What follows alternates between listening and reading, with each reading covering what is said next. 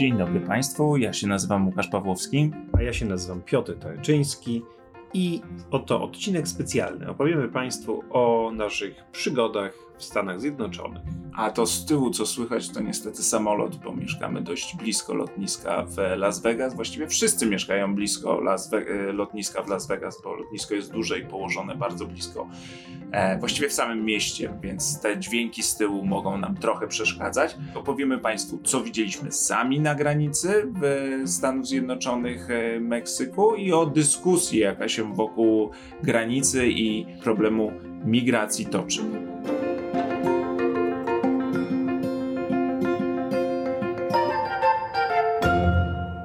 Opowiadaliśmy w pierwszym odcinku o migracji, o historii migracji do Stanów Zjednoczonych, o historii e, reform migracyjnych, zmian prawa w tej kwestii i o niemożności zmiany prawa obecnie. E, postanowiliśmy zobaczyć, jak wygląda sytuacja na własne oczy e, i byliśmy w trzech miejscach na granicy. Pojechaliśmy do Arizony i do Kalifornii. Byliśmy w dwóch miejscach w Arizonie i w jednym w Kalifornii. Tak, e, zacznijmy zatem od e, miejsca pierwszego. To jest miejscowość Lukeville w Arizonie. Jest to przejście graniczne e, i ono zainteresowało nas o tyle, że jak wy, wy, wynurał Piotr, że zamknięto je nie tak dawno na cały miesiąc właśnie z powodu nadmiernej liczby migrantów przekraczających nielegalnie granice. No i okazało się, że po prostu strażnicy graniczni, którzy normalnie pracują na tym przejściu granicznym, E, no, są potrzebni do tego, żeby zająć się e, migrantami przedostającymi się na teren Stanów Zjednoczonych, e, zająć się papierkową robotą, sprawdzeniem tych ludzi i dalszym ich pokierowaniem. Dlatego przejście zamknięto. No i co się stało, jak zamknęli? 4 grudnia zamknięto przejście, na początku na czas nieokreślony, ostatecznie okazało się, że był to miesiąc. No i Lukeville samo w sobie to nie jest nawet y, miasteczko, znaczy to trudno nazwać miasteczkiem, tam mieszka chyba 30 osób na stałe. Jest y, sklep, przejście graniczne, dwa domki i no i tyle tak naprawdę. Dobra, byliśmy w mniejszych miasteczkach, przypominam ci. No. E, Felicia, tak? To prawda, w, w miasteczko Felicity. Felicity od, od 14 osób. Tak, e, więc Lubwil przy tym to pra prawdziwa metropolia, ale zgoda. Nic e, tam nie ma poza stacją benzynową, przejściem granicznym i jakąś, grup, e, jakąś takim zbiorowiskiem domków. Natomiast po drugiej stronie, po stronie meksykańskiej, znajduje się już większa miejscowość. No i też na północ od Lubwil znajdują się już dwa takie miasteczka godne tej nazwy. Miasteczko Y i miasteczko Ajo. No i to jest, y, przejście w Lukeville to jest coś, co po prostu łączy te wspólnoty mieszkańców Y i Ajo z mieszkańcami Meksyku. Y tak jak dlaczego po, po angielsku, a Ajo tak jak czosnek po hiszpańsku, bo czosnek tam w okolicy rósł i stąd nazwa miasteczka. To była nieciekawa ciekawostka, tym razem Ej, wyczyta... Łukasz Pawłowski. Wy... Zjedliśmy, proszę, to jeszcze druga nieciekawa ciekawostka, w Acho, na granicy amerykańsko-meksykańskiej, czy niedaleko od niej, zjedliśmy, proszę Państwa, najlepszą pizzę, jaką, jaką ja kiedykolwiek jadłem w Stanach Zjednoczonych, to na pewno, a spokojnie mogłaby konkurować e, z włoskimi. Była genialna. No dobrze, rzeczywiście była bardzo smaczna. No ale co się wydarzyło? Otóż e, biznesy w Acho i w Y nagle zaliczyły potężny spadek, ponieważ gospodarka y, południowej Arizony i gospodarka północnego Meksyku są ze sobą po prostu połączone. Ludzie mieszkają po jednej części granicy, pracują w drugiej i to nie jest tylko tak, że y, mieszkają w Meksyku, a pracują w Stanach. Jest też w, w drugą stronę się to często zdarza. To znaczy firmy amerykańskie mają jakieś podwykonawców w Meksyku i Oczywiście. potrzebują, żeby te, ten ruch był otwarty. Są też y, obywatele amerykańscy, którzy bardzo często kursują na południe, dlatego że już tutaj z tej granicy arizońsko-meksykańskiej jest blisko nad ocean, nad morze, nad Zatokę Kalifornijską. Y, no i ci ludzie, na przykład Amerykanie, mieszkają sobie nad morzem, y, a pracują w Arizonie. Kiedy zamknięto przejście graniczne, no to do najbliższego przejścia droga z, wydłużyła się do 8-9 godzin. Arizona to duży stan. No i to sparaliżowało kompletnie życie mieszkańców zarówno Y, południowej Arizony, jak i mm, tutaj tej części, północnej części tego stanu meksykańskiego. Y, było to rzeczywiście szokujące, że po pierwsze, że coś takiego można zrobić, po drugie, jaki to ma wpływ, jak to kompletnie rozwala gospodarkę tego, mm, tego rejonu. No i do, doszło do czegoś naprawdę bardzo ciekawego. Otóż y, politycy właściwie obu partii i z obu stron granicy zaczęli domagać się otwarcia przejścia. I demokraci, i republikanie. Republikanie, którzy, jak wiedzą Państwo, wzywają do tego, że y, trzeba uszczelnić granicę. Granica jest y, podobno otwarta na oścież. Kiedy granica została zamknięta, ale tak na amen, no to zaczęli domagać się od prezydenta Bidena otworzenia granicy, ponieważ jest to, było to katastrofalne dla gospodarki Arizony. No to utrudnia też zwyczajnie życie ludziom, już pomijając też efekty, go, znaczy to jedno z drugim się ściśle wiąże, ale taki, tak jak w jednym z artykułów e, na przykład była historia kobiety, która opiekuje się chorym ojcem starszym w Meksyku, no ale pracuje w Stanach Zjednoczonych. I mieszka w Stanach Zjednoczonych. No i tak kursuje między oboma krajami, a w związku z tym, kiedy zamknięto granicę, musiała przyjeżdżać do Stanów na kilka dni, e, a później na kilka dni wracać e, do, do Meksyku. No i takich historii tutaj są tysiące. My dotarliśmy do e, Lukeville miesiąc po tym, jak przejście otwarto. E, ruch przywrócono 4 stycznia, a my dokładnie miesiąc później, 4 lutego, dotarliśmy do e, Lukeville i to była niedziela. No, tragedii nie było widać na przejściu, mówiąc najdelikatniej, właściwie nic nie było widać na samym przejściu granicznym. Bardzo niedużo ludzi przekraczało granicę. Pieszo to prawie nikt, a samochodów też nie było żadnych kolejek, naprawdę jakieś pojedyncze wozy. Mm, wręcz byłem zaskoczony tym, że to przejście tak oblegane y, i które koniecznie trzeba było zamknąć ponad miesiąc wcześniej, jest właściwie zupełnie opustoszałe.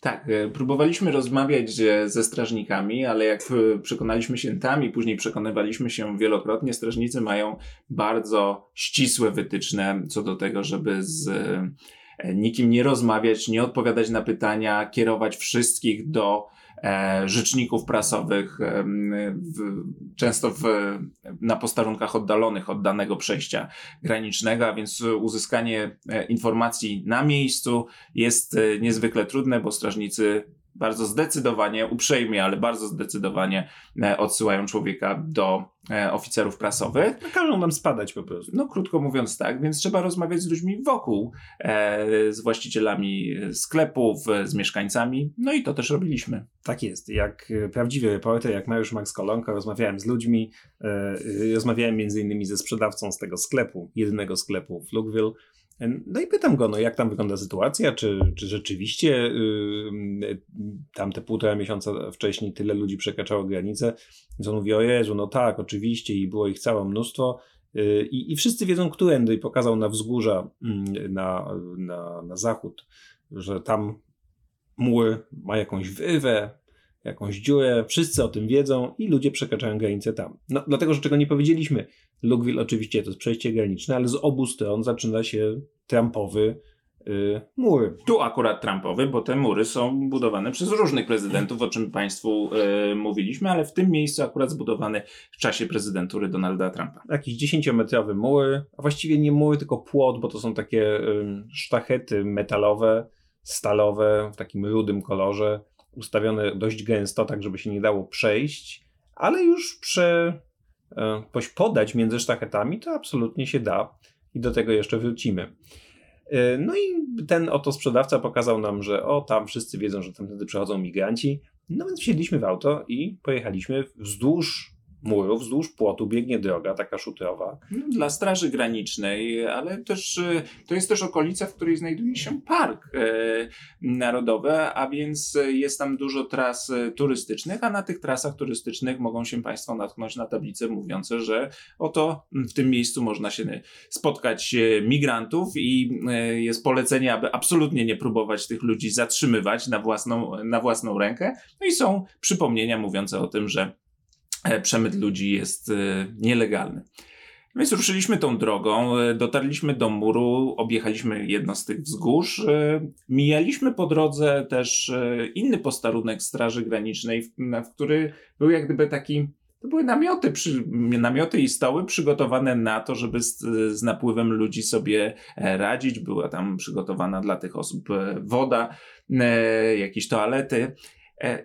I po ilu? Pięciu kilometrach e, dotarliśmy do e, muru granicznego po drodze, mijając No, chyba rodziny migrantów, oczywiście pewności nie mamy, no ale tak, y, takie mieliśmy obaj wrażenie. No trudno, żeby to był ktoś inny. To była Tak. grupka ludzi z plecakami, która dosłownie w odległości, no nie wiem, już e, 500 metrów od muru maszerowała w stronę przejścia granicznego w Lublinie. żeby oddać się w ręce Straży Granicznej. Dziury w murze nie znaleźliśmy, dojechaliśmy pod sam płot, już kiedy objechaliśmy wzgórze. No i sytuacja wygląda tak, że oto jest ta pustynia sonorańska, no bo to wszystko jest pustynia, mnóstwo tych takich charakterystycznych wielkich kaktusów. Zresztą Park Narodowy, o którym wspominał Łukasz, to jest Park Narodowy właśnie z powodu tych pięknych kaktusów. Bardzo ładne, zaiste. No i to wszystko jest przedzielone tym płotem, yy, przez który ludzie jakoś przechodzą oczywiście, dlatego że no, pokaż mi 20-metrowy płot, a ja ci pokażę 21-metrową drabinę. Yy, Czy używają drabiny? Raczej nie, ale na pewno przechodzą górą, próbują przechodzić górą. Są luki w tym płocie, więc y, i wszyscy, tak jak Piotr wspominał, wszyscy wiedzą, y, gdzie w tym przemytnicy, pod, którzy podrzucają ludzi pod te przejścia i, i spokojnie można się do Stanów Zjednoczonych dostać. Myśmy dojechali do takiego miejsca, takiego placyku przy murze, już przy samym płocie, gdzie stały tojtoje, stała umywalka, taka... yy, Taki punkt do pierwsze, pierwszego kontaktu było Tak. widać, że Ale nie to było tam nikogo. Już nie, były tylko ślady tych ludzi, e, którzy przechodzili e, miesiąc wcześniej butelki po wodzie, e, mydła, które wydawano tym osobom, właśnie jakieś takie przenośne e, umywalki, e, toalety, wielki kontener na śmieci. Widać było, że tam ci ludzie byli, jak to się brzydko mówi, procesowani. No i ci ludzie właśnie tam y, koczowali, czekali w, w grudniu na to, aż zajmie się nimi Straż Graniczna, ponieważ wtedy, pod koniec listopada, granicę przekraczało tam nawet 18 tysięcy ludzi tygodniowo. Y, No i Straż Graniczna po prostu nie nadążała z mm, procesowaniem, z, z przyjmowaniem tych ludzi, no bo to wszystko polega na tym, że oni muszą od tych ludzi przyjąć paszport, sprawdzić, czy mają paszport i jakby zdecydować, co z nimi dalej robić. Czy zawrócić ich z granicy od razu, jeśli jakby nie mogą się ubiegać o azyl, czy wysłać do mm, jakichś y, no, takich prawdziwych posterunków Straży Granicznej, które są nie w Lukeville, tylko właśnie w Acho y, i jeszcze dalej. No Większość ludzi tam trafia, proszę Państwa, i z, właśnie po to, żeby mogli złożyć wnioski o azyl. I taki jest cel tych migrantów. Także oni, czy jak Państwu mówiliśmy w pierwszym odcinku, niektórzy ludzie próbują się przecisnąć e, niezauważeni przez Straż Graniczną. Może to na przykład osoby, których pod wnioski o azyl już odrzucono i starają się dostać do Stanów e, w ten sposób, ale znaczna część przechodzi przez granicę i rusza w kierunku strażników granicznych. Ludzie koczujący w Lukeville potrafili tam mieszkać y, przez kilka dni, zanim Straż Graniczna była w stanie się nimi zająć. Y, I dlatego zamknięto przejście graniczne. Nie dlatego, że samo przejście było y, tak oblegane, chociaż to jest też cel polityki, jakby cel, cel rządu federalnego, no, żeby ludzie jak najwięcej przekraczali granice w tych point of entry, w tych, na tych legalnych przejściach i tam ubiegali się o azyl, tamtędy próbowali wchodzić, a nie gdzieś w tych miejscach niestrzeżonych, no bo to odciąga strażników granicznych, którzy nie są w stanie zajmować się przejściem, tylko muszą patrolować nieustannie mur, żeby y, natknąć się na tych ludzi. Y, No i taki był, takie było wytłumaczenie tego zamknięcia granicy w Lukeville, że po prostu ci ludzie z tego przejścia są potrzebni do y, zajęcia się całym odcinkiem granicy y, południowej w Arizonie. E, Strażników granicznych spotkają Państwo nie tylko na samych przejściach granicznych i nie tylko podróżując wzdłuż muru, ale także w głębi kraju. E, Są takie posterunki, e, na których sprawdza się w teorii, czy ktoś nie wwozi do kraju nielegalnych migrantów. No i tak nas także to spotkało, W kiedy drodze z Lukeville do Acho tak, e, jest e, posterunek, na który trzeba zjechać, no bo droga jest zablokowana, trzeba zjechać. Mm, Tam się e, człowiek zatrzymuje, strażnik e, podchodzi, zagląda do auta, ale nie przeszukuje go jakoś specjalnie dokładnie, po prostu zajrzał na tylne siedzenia naszego auta, zapytał, czy jesteśmy e, Amerykanami, kiedy powiedzieliśmy, że nie jesteśmy obywatelami, sprawdził nasze paszporty, podziękował i, i, i pojechaliśmy dalej, więc nie wiem na ile skuteczne, jeśli mam być szczery, są te e, kontrole, a może my po prostu nie wydawaliśmy się panu specjalnie podejrzani. E, Z przejścia w Lukeville e, ruszyliśmy do Jumy, czyli większej, większego miasta na granicy amerykańsko-meksykańskiej, 90-kilkutysięcznego. To już jest na granicy z Kalifornią, bo ruszyliśmy z tego Lukeville na, na zachód. I też warto powiedzieć, że Yuma to jest inny sektor Straży Granicznej. Straż Graniczna ma podzieloną granicę na różne sektory. Kiedy byliśmy w Lukeville, to on podlega pod sektor w Tucson y, arizoński, a Yuma ma osobny, mm, osobny swój sektor i ten Lukeville, czyli ten odcinek, w którym my byliśmy najpierw, był najbardziej oblegany wtedy pod koniec listopada. W Yumie było podobno trochę lepiej. Postanowiliśmy zobaczyć, jak wygląda sytuacja w samej Yumie. W samej Jumie y, to, to jest niby miasto graniczne i oczywiście tam dominuje język y, hiszpański, słychać wszędzie. Może nie dominuje w samej Jumie, ale słychać go wszędzie.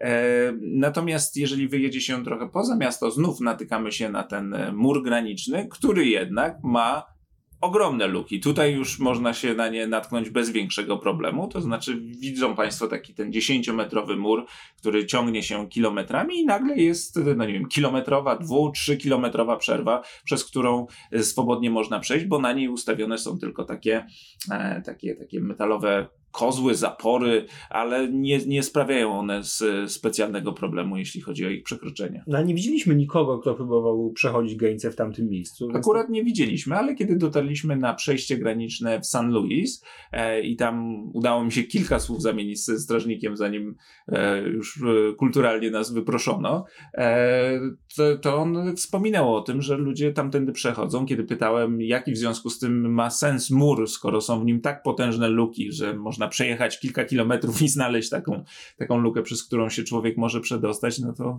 wzruszył ramionami i powiem Państwu także, że jak słuchaliśmy reportaży innych na temat e, sytuacji granicznej i też inni e, w tych reportażach podnosili tę kwestię tych luk w murze, przez które, które wszyscy wiedzą, gdzie są i przez które przechodzą migranci. E, I także pytali władze, także w Waszyngtonie, dlaczego ten mur nie jest kończony. No to odpowiedź jest taka: jest to nasz priorytet, chcielibyśmy, nie mamy pieniędzy. No dobrze, ale z drugiej strony, i to też wiemy, że nawet w miejscach, w których mur stoi i w których nie ma dziur, to mur przekroczyć, jeśli ktoś chce, to i tak przekroczy. Znaczy, to naprawdę nie jest zapora nie do przebycia. Y, tam nie ma, nie wiem, wykopanej fosy, zasieków i tak dalej. To jest 10-metrowy y, mur i jeśli akurat ktoś go próbuje przekroczyć w miejscu naprawdę oddalonym od y, siedzib ludzkich, a o to naprawdę nie trudno w Arizonie, no to to zrobi po prostu. No, albo się podkopują pod, albo przechodzą górą, albo po prostu jakoś y, robią dziurę w tym płocie. Jakby wszystko jest do, do przejścia. Faktem oczywiście jest, że ten mur daje jakąś przynajmniej poczucie tego, że granica jest y, zabezpieczona, no i też jest jakąś wizualną po prostu granicą. Znaczy wiesz, że tu się kończą Stany, zaczyna się Meksyk i jeśli jesteś, jak sądzę, mieszkańcem Acho, czy Y, czy czy nawet po prostu Amerykaninem skądinąd, to myślisz sobie, no dobrze, coś jest na tej granicy robione, mur stoi. No i tak jak mi się wydaje, to strażnicy z tymi, tak jak nam się udało z nimi rozmawiać, także są e, zwolennikami tego, żeby ta zapora jakoś była. Ona im jakoś tam pracę ułatwia. To tak, ułatwia. Natomiast e, jeśli ktoś uważa, że mur jest zabezpieczeniem granicy jakby takim na amen, no to, no to mamy dla Państwa wiadomość. Otóż e, nie, to nie działa.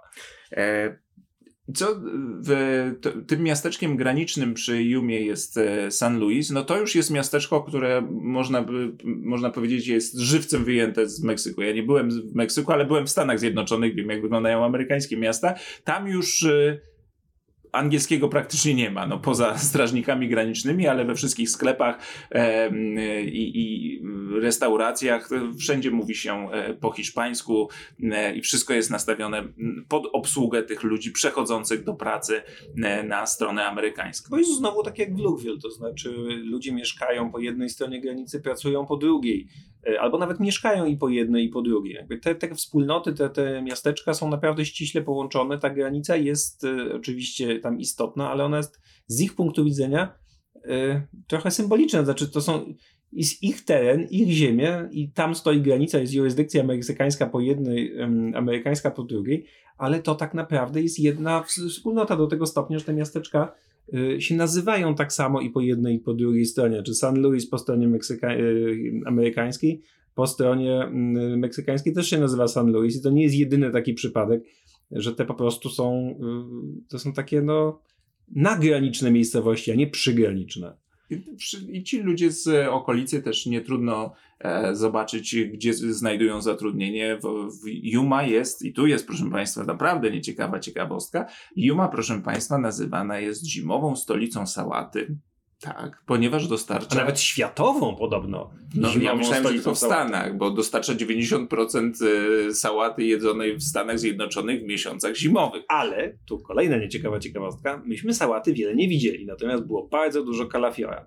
Jechaliśmy przez morze, ocean kalafiorów, znaczy to niekończące się zielone pola na tym płaskim terenie, y, głównie jednak kalafiorów, co widać i, I czuć. A na tych polach e, oczywiście głównie zatrudnieni są Latynosi. Nie wiadomo, to mogą być obywatele amerykańscy, ale możemy myślę, że bezpiecznie założyć, że to są też e, w dużej e, mierze nielegalnie zatrudnieni e, migranci z Meksyku. Albo legalnie. No, no, myślę, że też bardzo często nielegalnie. I to, I to, nie jest tak, że jest to jakieś nowe zjawisko. Z Jumy pochodził Cesar Chavez, to była taka ważna postać w latach 60., lider ruchu związkowego, właśnie y, pracowników sektora rolnego. Wspominaliśmy chyba o nim w, w odcinku o 68 roku, bo Chavez popierał kandydaturę Roberta Kennedy'ego na, na prezydenta. Tak, no i Chavez pochodził z Jumy, tam się urodził i zorganizował y, wielki strajk y, pracowników sektora rolnego i w ogóle walczył o poprawienie ich losu. I przy czym już wtedy bardzo dużo tych pracowników rolnych z Kalifornii, z południowej Kalifornii, czy jeszcze tutaj z, z zachodniej Arizony, to to byli y, Meksykanie, nawet nie obywatele. No i jakby tu się wiele nie zmieniło od, od tych lat 60. Rzeczywiście te niekończące się pola warzyw, na których pracują e, Latynosi. No i tu dochodzi ten kolejny element dyskusji o, o, sytuacji na granicy. Oprócz tego, czy ludzie chcą, czy nie chcą migrantów, no to zawsze wraca też ten argument, że ci migranci są po prostu amerykańskiej gospodarce potrzebni. Przypominamy, że w Stanach Zjednoczonych bezrobocie jest na e, bardzo niskim poziomie, około 3,5%. Utrzymuje się na tym niskim poziomie już od jakiegoś e, czasu. Amerykańska gospodarka potrzebuje pracowników na e, ten e, przemysł rolniczy rolnictwo nagraniczne no stoi ludźmi e, z, z Meksyku, e, albo właśnie nielegalnymi migrantami, albo ludźmi, którzy krążą między Meksykiem a Stanami Zjednoczonymi i e, na tych polach pracują. O tym, że ruch na granicy się e, zwiększa, świadczy też fakt, że przejście w San Luis jest właśnie rozbudowywane. I to było jedyne miejsce, na którym, przy którym znaleźliśmy tabliczkę. Nawet myśleliśmy sobie o tym, że Biden, który, któremu udało się przegłosować ten Inflation Reduction Act, czyli potężną e, ustawę zawierającą e, środki na różne inwestycje infrastrukturalne, że powinien takie tabliczki stawiać i przy E, przejściu granicznym San Luis właśnie stoi, że jest rozbudowywane z tych, e, ze środków pochodzących z tej e, ustawy. Z San Luis ruszyliśmy dalej. Znowu na zachód. Jeszcze tylko dodam, że tutaj, podobnie jak w, w, innych miejscach, jest niezwykle trudno uzyskać jakieś wiadomości. Wydzwanialiśmy na, prosiliśmy i na przejściach granicznych, wydzwanialiśmy do biur CBP, czyli Customs and Border Patrol. E, I tam oczywiście. Do biura szeryfa także. Do biura szeryfa. Tam nas e, proszono o wysłanie maili. E, kiedy wysyłaliśmy te maile z bardzo konkretnymi pytaniami, otrzymywaliśmy bardzo ogólne odpowiedzi z informacjami, które spokojnie można znaleźć na stronach internetowych, więc uzyskiwanie jakichś konkretnych informacji jest, jest trudne. Z Jumy ruszyliśmy na zachód, już do Kalifornii po drodze mijając miasteczko Felicity, zamieszkałe przez 14 osób. Mm, I dojechaliśmy do Hakumba Hot Springs. Dlaczego akurat tam? Bo to trochę tak jak Lukeville, to właściwie nie jest miejscowość. O, to, to już zdecydowanie nie jest miejscowość. A tu cię zaskoczę, otóż y, Hakumba Hot Springs jest większa od Lukeville. Lukeville... No, był tam hotelik, ale... Właśnie, a w Lukeville nie było. Hakumba Hot Springs y, to miasteczko, które ma hot springs, czyli jakieś y, gorące źródła i chyba wokół nich zbudowany jest ten hotel, ale poza tym no to jest taka miejscowość znowu przygraniczna, na wzgórzach, tu już nie ma tych y, kaktusów saguaro, ale jest to no po prostu taka pustynna, wysuszona okolica, górzysta zdecydowanie. Y, no i, I jakiś, płot jest. I jest płot. I je, jakiś czas temu, wtedy mniej więcej, kiedy w Lukeville e, nie dawano sobie rady z, z liczbą migrantów, Hakumba Hot Springs działo się mniej więcej to samo. Nie zamknięto przejścia granicznego, ale faktycznie dużo ludzi bardzo przekraczało na tamtym odcinku. Y, I też było takie prowizoryczne obozowiska, w których tylu, ci ludzie czekali na to, aż Straż Graniczna zdoła się nimi zająć. No i postanowiliśmy zobaczyć, jak wygląda sytuacja w Hakumba teraz.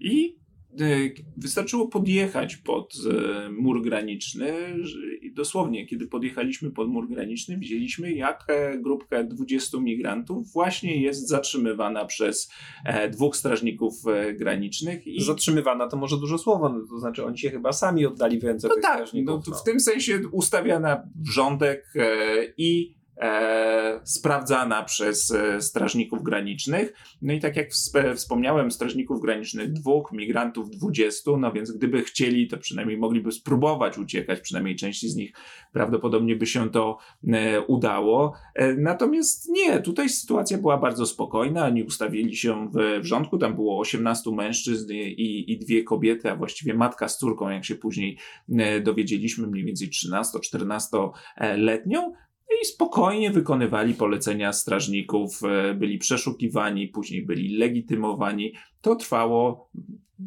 długo, długo. Tak, no przyjechaliśmy tam po południu, już słońce chyliło się ku zachodowi i było dość chłodno. Y, no ale spędziliśmy tam za dwie godziny, y, już zrobiło się zupełnie ciemno, naprawdę zimno, a ci migranci wciąż czekali, aż przyjedzie y, ciężarówka czy tam furgonetka, żeby ich zabrać do znowu do jakiegoś ośrodka którym zostaną podjęte dalsze czynności. Przyjechał tylko jeden samochód, żeby zabrać matkę z córką, dlatego że jak czytamy, y, kobiety i dzieci są zabierane jako pierwsze, mężczyźni muszą czekać. Y, no więc auto przyjechało, je zabrało, tam tych 18 facetów czekało dalej. Stoimy pod e, płotem, pod murem granicznym. Właśnie zatrzymuje się, zostali zatrzymani migranci. Celnicy każą im zdejmować e, paski, pewne części garderoby. Jest ich około 20 osób. E, wszyscy, większość mężczyzn. Czy widzisz jakieś kobiety? Widzę tak, jedną kobietę z dzieckiem. dzieckiem. Tam jeszcze tyle. dwie kobiety na początku. 2, 4, 6, 14, 16, 20, równo 20 osób. Wszyscy z e, plecakami. W tej chwili rozwiązują buty. Wcześniej kazano im zdjąć paski. Prawdopodobnie zaraz zostaną zgarnięci do jakiegoś pojazdu, ale w tej chwili nie bardzo wiem jak, bo... Są dwa auta z ale to... granicznej i nie zmieści się tam 20 Tak, osób. to nie są furgonetki, to są zwyczajne auta typu... Suwy. Suwy, tak. Wszystko odbywa się spokojnie, wykonują polecenia e, strażników, strażnicy także są spokojni, mówią do nich po angielsku. E, chyba jeden mówi po, po hiszpańsku. Nie bardzo wiem, którędy te osoby przekroczyły mur, dlatego że o, po horyzont ciągnie się tutaj mur wysoki na tym, w tym miejscu na powiedzmy 10 metrów, od pewnego momentu niższy, ale za to zakończony y, drutem kolczastym. Jeden z tych migrantów podszedł tutaj do e, ten, ściąga buty, podszedł do samochodu, mm, ściąga buty i wyraźnie będzie przeszukiwany. Rozbiera się całkowicie, nie wiem czy do, nie wiem, czy do naga, w tej chwili ściąga spodnie e, i pewnie będą w ten sposób przeszukiwani. Niektórzy ściągają bluzy. Jest dość zimno, więc... Ale wszystko odbywa się jak najbardziej spokojnie. Strażników jest tylko dwóch e, i dwa samochody Straży Granicznej. Czy widzimy gdzieś, żeby się ten mur kończył? Nie, no, na, tak po horyzontu, gdzie jesteśmy, nie widać, żeby była jakieś przerwa. Jest to prawda brama w tym murze, ale jest zamknięta do, do użytku Straży Granicznej.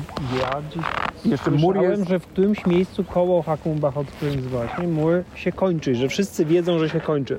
Więc być może kończy się za jednym wzniesieniem lub na drugim wzniesieniu.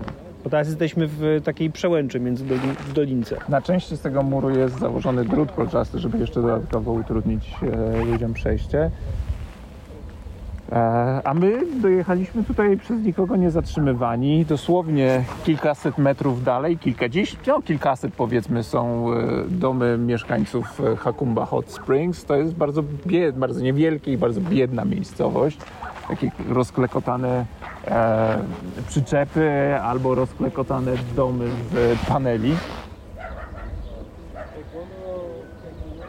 Psy szczekają na siebie nawzajem ze strony meksykańskiej i amerykańskiej. Nie wiemy, co się z tymi imigrantami stanie. Wiemy, że zwyczajnie w takiej sytuacji, jeżeli proszą o azyl, powinni zostać przetransportowani do odpowiedniego ośrodka. I prawdopodobnie ze względu na przeciążenie amerykańskich sądów zostanie im wyznaczony jakiś termin rozprawy, na który powinni się stawić, ale na, ten, na tę rozprawę, nawet wstępną, będą czekali kilka miesięcy. Co się będzie z nimi działo w tym czasie i czy w ogóle na rozprawie się pojawią, tego, tego nie wiadomo. A potem rozpocznie się cały proces przyznawania wniosku o azyl, który może trwać nawet, łącznie z apelacjami, nawet kilka lat. O, w tej chwili strażnik jakby dokonywał zatrzymania jednego z nich. Ręce na karku, przeszukiwany, prosi o zdjęcie kurtki. Wcześniej proszono niektórych o zdjęcie butów, zdjęcie pasków. Strażnicy graniczni poprosili e, migrantów o to, żeby wyciągnęli swoje paszporty. Niektórzy tych paszportów nie mają, prezentują jakieś dokumenty, Na co strażnik mówi, że nie wierzy, że nie mają paszportu. ale większość z nich coś ma, coś pokazuje. Dwóch panów z najbardziej po lewej stronie nic nie wyciągnęło. A nie, jeden coś ma. Wszyscy mają jakieś dokumenty ze sobą. Stoją paszporty rozłożone przed sobą. Nie muszą mieć jakieś dokumenty, dlatego że jeśli nie masz dokumentu, to jak chcesz się ubiegać o azyl? Czy jak chcesz powie- nie możesz wtedy powiedzieć, jestem, coś mi grozi, no bo nie wiesz, Jestem jakiego- prześladowanym nie wiesz, obywatelem. kraju. no. Tak. How, do, how often does it happen? Do you know, like the, this, you know, detention of migrants? Does it happen very often, Because you live on this side of the border, right? in, you live in the states, right? Yeah. Uh, I don't really know, to be honest. You really don't pay it. It doesn't bother you in any way. I feel bad. Like it makes people feel bad seeing like our like culture or like people that are from over there seeing them like that. Yeah. But are the, are the Mexicans people who are mm-hmm. crossing? No. Właśnie nadjeżdża pan, którym chyba będą transportowani migranci do jakiegoś posterunku Straży Granicznej. Tu się zmieści 20 osób? Zakładam, że tak. Wcześniej ich liczono, więc e, chyba są na to przygotowani. Jest jedna rodzina wśród tych migrantów.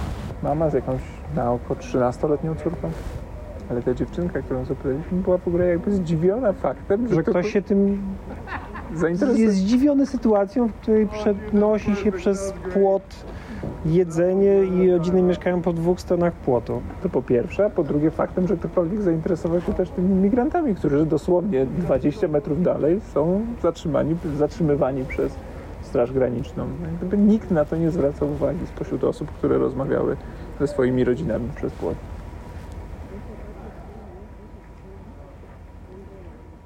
Przy samym płocie granicznym e, z jednej strony mieliśmy owych e, migrantów e, i strażników, a zaraz obok podjeżdżały kolejne prywatne samochody z mieszkańcami Hakumba Hot Springs, którzy podchodzili do, do płotu, żeby spotkać się ze swoimi krewnymi mieszkającymi po drugiej stronie, porozmawiać, no bo do właściwego przejścia granicznego było kilkadziesiąt kilometrów, mniej więcej godzina drogi, E, w związku z tym łatwiej spotkać się w tym miejscu, porozmawiać, wymienić jakieś rzeczy. Ludzie przywozili całe siaty z jedzeniem, no przynajmniej widzieliśmy tam jedzenie, co było tam jeszcze nie wiemy, ale sytuacja była dość absurdalna, no bo oto ludzie prze, przenosili po prostu przez granicę, podawali sobie przez granicę jakieś torby, a obok stali strażnicy, którzy spokojnie zajmowali się tymi migrantami. I zupełnie ignorowali to, że być może ta meksykańska y, lub amerykańska staruszka przenosi przez granicę, no nie wiem, fentanyl.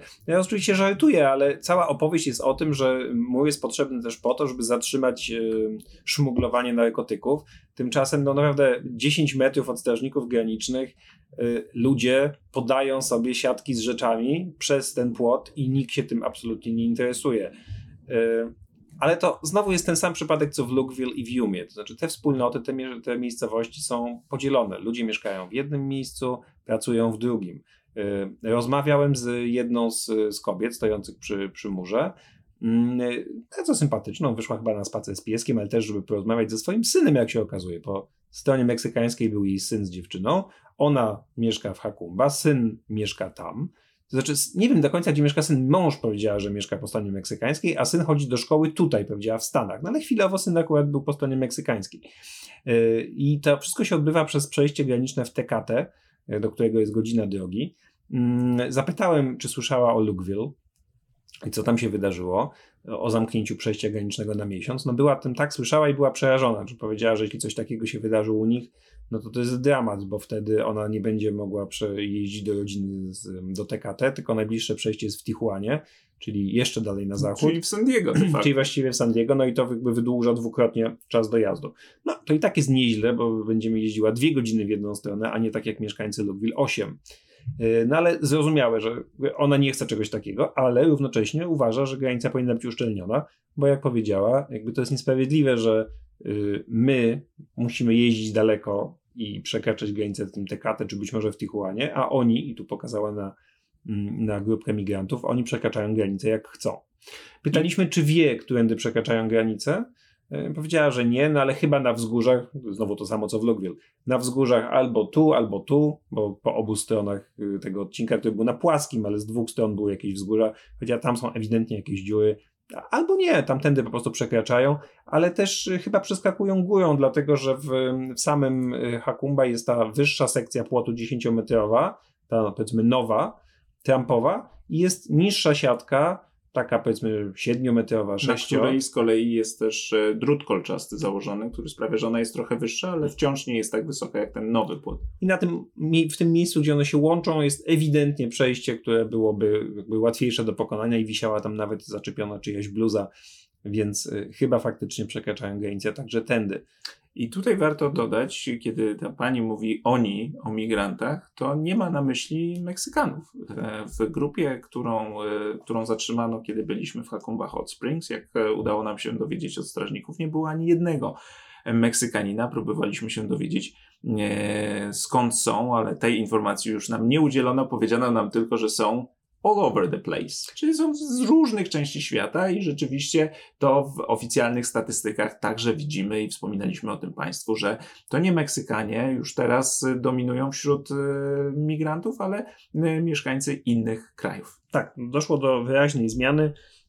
Większość osób próbujących się dostać do Stanów Zjednoczonych z Meksyku nie jest Meksykanami. Po raz pierwszy jakiś czas temu właśnie nie Meksykanie przekroczyli liczbę Meksykanów.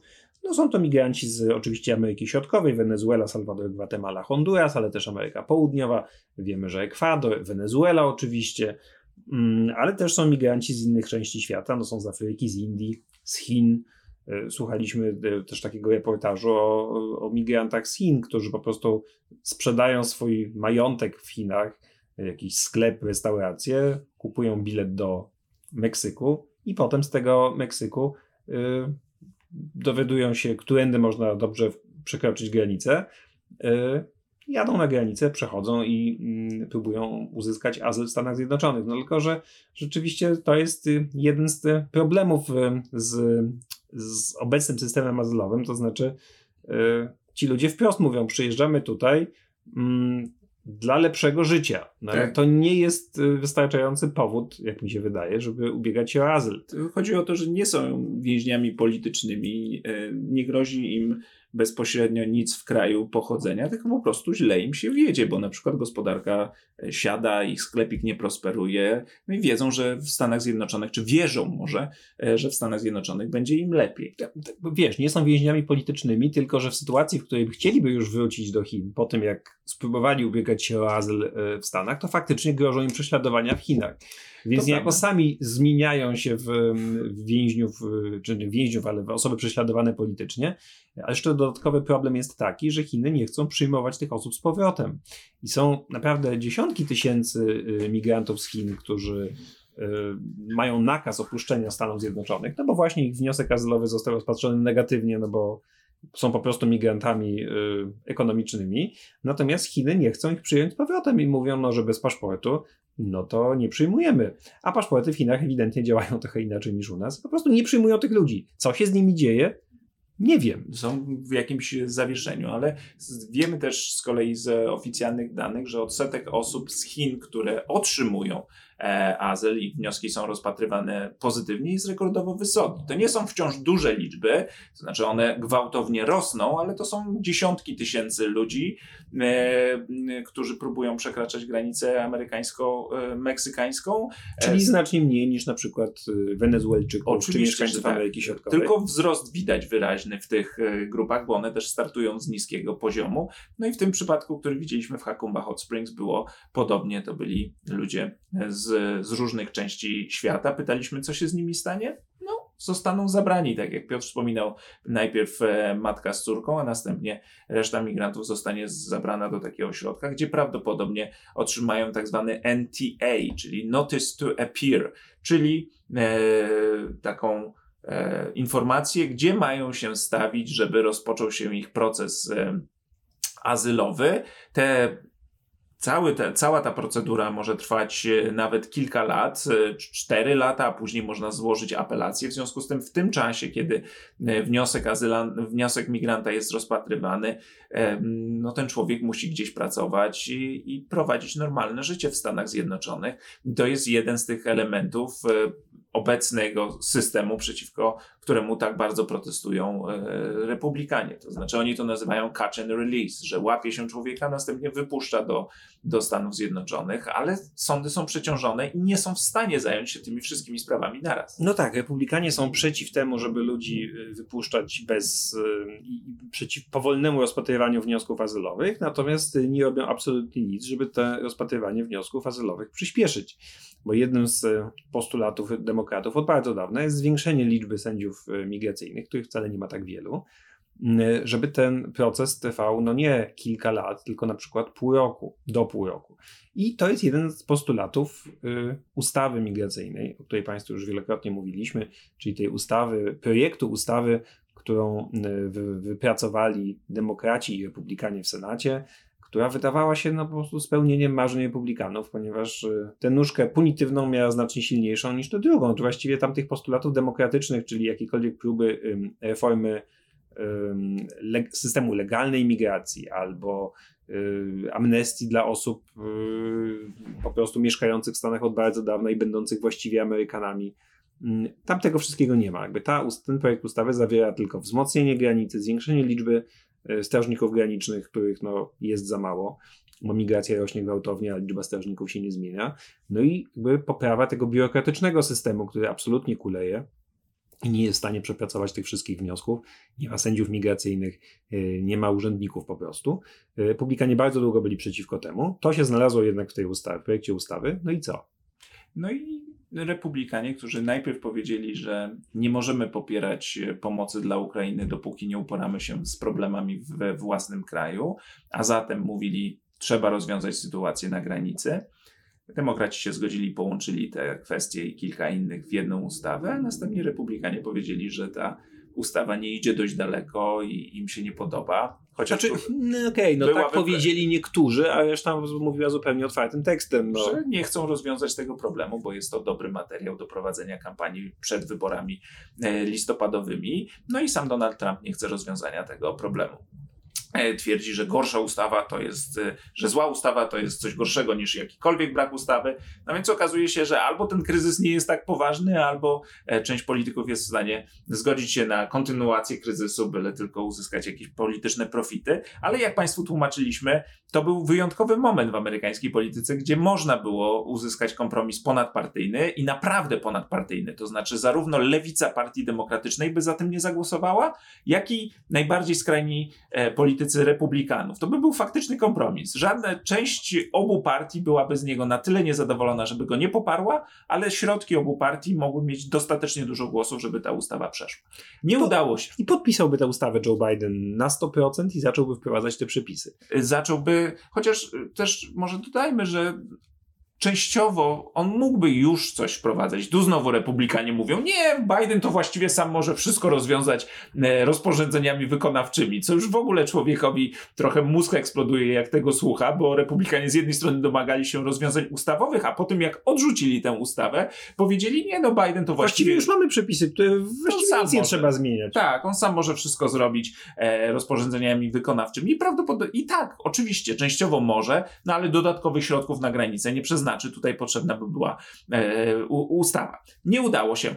Republikanie nie tylko Donald Trump, ale w ogóle republikanie chcą prowadzić kampanię na temat y, granicy, no bo to jest temat, który rzeczywiście y, jest e, bardzo wysoko w rankingu rzeczy, którymi przejmują się Amerykanie. I to zarówno republikanie, jak i demokraci. Mówimy Państwu o tym, że wśród demokratów następuje wyraźna zmiana.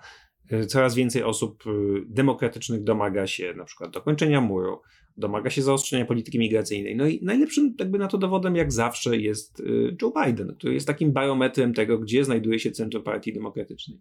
Jak centrum było bardziej takie liberalne w tych kwestiach, czyli kiedy pod koniec prezydentury Donalda Trumpa wszyscy demokraci byli jednak za zliberalizowaniem przepisów migracyjnych, czy też jakby może odejściem od tych najbardziej drastycznych y, środków, które zastosował Donald Trump y, i wszyscy na przykład byli oburzeni rozdzielaniem rodzin, skądinąd słusznie, no bo to jest polityka rzeczywiście okrutna i zakwestionowana nawet przez sądy amerykańskie. Y, no i Joe Biden mówił, nie powstanie żaden nowy kawałek muru, musimy mieć politykę migracyjną, która jest ludzka i, i, i sprawiedliwa Teraz Joe Biden zaczyna mówić dużo ostrzej, dlatego że zmieniły się nastroje w Partii Demokratycznej. No, a te nastroje zmieniły się zarówno dlatego, że republikanie mocno ten temat eksploatują i zwracają na to uwagę, ale też to ma pokrycie w rzeczywistości. To znaczy, nie, nie ma co udawać, że sytuacja jest opanowana i nic się nie dzieje, e, bo Wspominaliśmy też Państwo o tym, że pod koniec prezydentury Obamy było zdecydowanie lepiej na granicy. Obama był twardszy pod tym względem nawet niż Donald Trump, jeżeli chodzi o liczbę e, deportacji, jeżeli chodzi o liczbę tych migrantów, którzy przekraczali granicę. Było lepiej niż za Trumpa. Też zbudował więcej muru niż tak Donald Trump. Ten A mur mi... wprawdzie nie miał 10 metrów i nie był e, aż tak wysoki jak ten, ta zapora Trumpa, natomiast e, nowych odcinków na granicy powstało więcej za Obamy niż za Trumpa. Tak, a mimo to Trumpowi udało się zbudować takie przekonanie wśród Amerykanów, że oto trwa inwazja. E, dziś sytuacja jest znacznie poważniejsza i Amerykanie to do, dostrzegają i wystarczy rzeczywiście pojechać na granicę, żeby zobaczyć, że ten problem istnieje. No bo jeżeli ci migranci przechodzą e, w tak dużych e, liczbach i naprawdę nie trzeba specjalnie szukać, żeby natknąć się na tych migrantów nielegalnie przekraczających granicę, to widać, że coś jest nie tak. No i zmiana nastrojów społecznych też przekłada się na zmianę podejścia do migracji jako takiej. To znaczy, w trakcie prezydentury Trumpa paradoksalnie Amerykanie życzliwie patrzyli na migrację. To znaczy, ta ostra polityka antymigracyjna Donalda Trumpa spowodowała jakiś taki backlash trochę i ludzie zaczęli, odpowiadali na pytanie, że tak, migranci są nam potrzebni, co, jak mówiliśmy zresztą, jest no, zgodne z faktami. Migranci stanowią dużą część siły roboczej, czy istotną część siły roboczej Stanów Zjednoczonych i bez nich y, gospodarka amerykańska po prostu by stanęła. Y, I pod koniec prezydentury Trumpa więcej y, Amerykanów chciało zwiększenia migracji niż zmniejszenia. To, jest, to był pierwszy taki przypadek od sześciu dekad.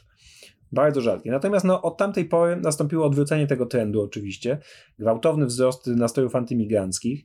Wyborcy coraz bardziej skłaniają się ku podejściu republikańskiemu. Y, jest, y, odpowiadają na pytanie, że nie potrzebujemy aż tylu migrantów, y, nie potrzebujemy zaostrzenia granicy i to oczywiście nie tylko republikanie, ale też demokraci. Więc wśród demokratów następuje zaostrzenie stanowiska i stąd ta zmiana u Joe'ego Bidena. Na u republikanów no, temat migracji, antymigracji jest oczywiście grzany teraz przed wyborami, ale tak naprawdę to jest temat, którym republikanie prowadzą kampanię już od bardzo dawna. Niektórzy troszkę bardziej stonowany sposób, a inne nie. Opowiadaliśmy Państwu o teorii wielkiego zastąpienia, Great Replacement Theory, czyli takiej teorii spiskowej, która mówi, że oto y, demokraci otworzyli granicę na oścież po to, żeby wpuścić jak najwięcej y, nieamerykanów, żeby oni mogli głosować na demokratów. No tak, tylko zanim oni by dostali obywatelstwo, to Przy tym naprawdę... obciążonym systemie. I to nie są y, najbardziej radykalne, czy jakieś takie obrzeża partii republikańskiej, które powtarzają te, te opowieści o tym, że y, demokraci próbują zastąpić elektorat y, tym nowym migranckim, tylko na przykład Mike Johnson, czyli obecny speaker Izby Reprezentantów, który blokuje ustawę reformującą ten system na życzenie Trumpa, to jest polityk, który dość otwarcie jakby flirtował z teorią wielkiego zastąpienia. E, mówił, no nasi koledzy chcą zmienić wszystkich nielegalów wyborców i dlatego granica jest otwarta. To jest wypowiedź Mike'a Johnsona z maja 2022.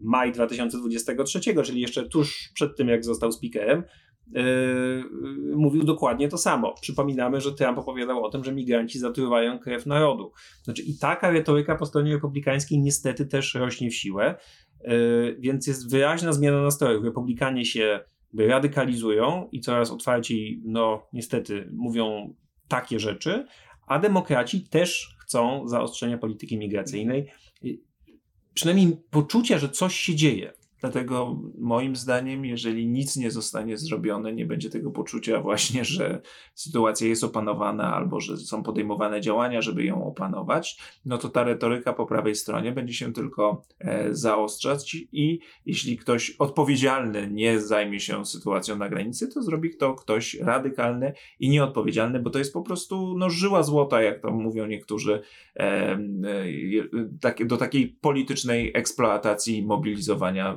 wyborców, e, to jest potencjalnie bardzo, bardzo niebezpieczny temat.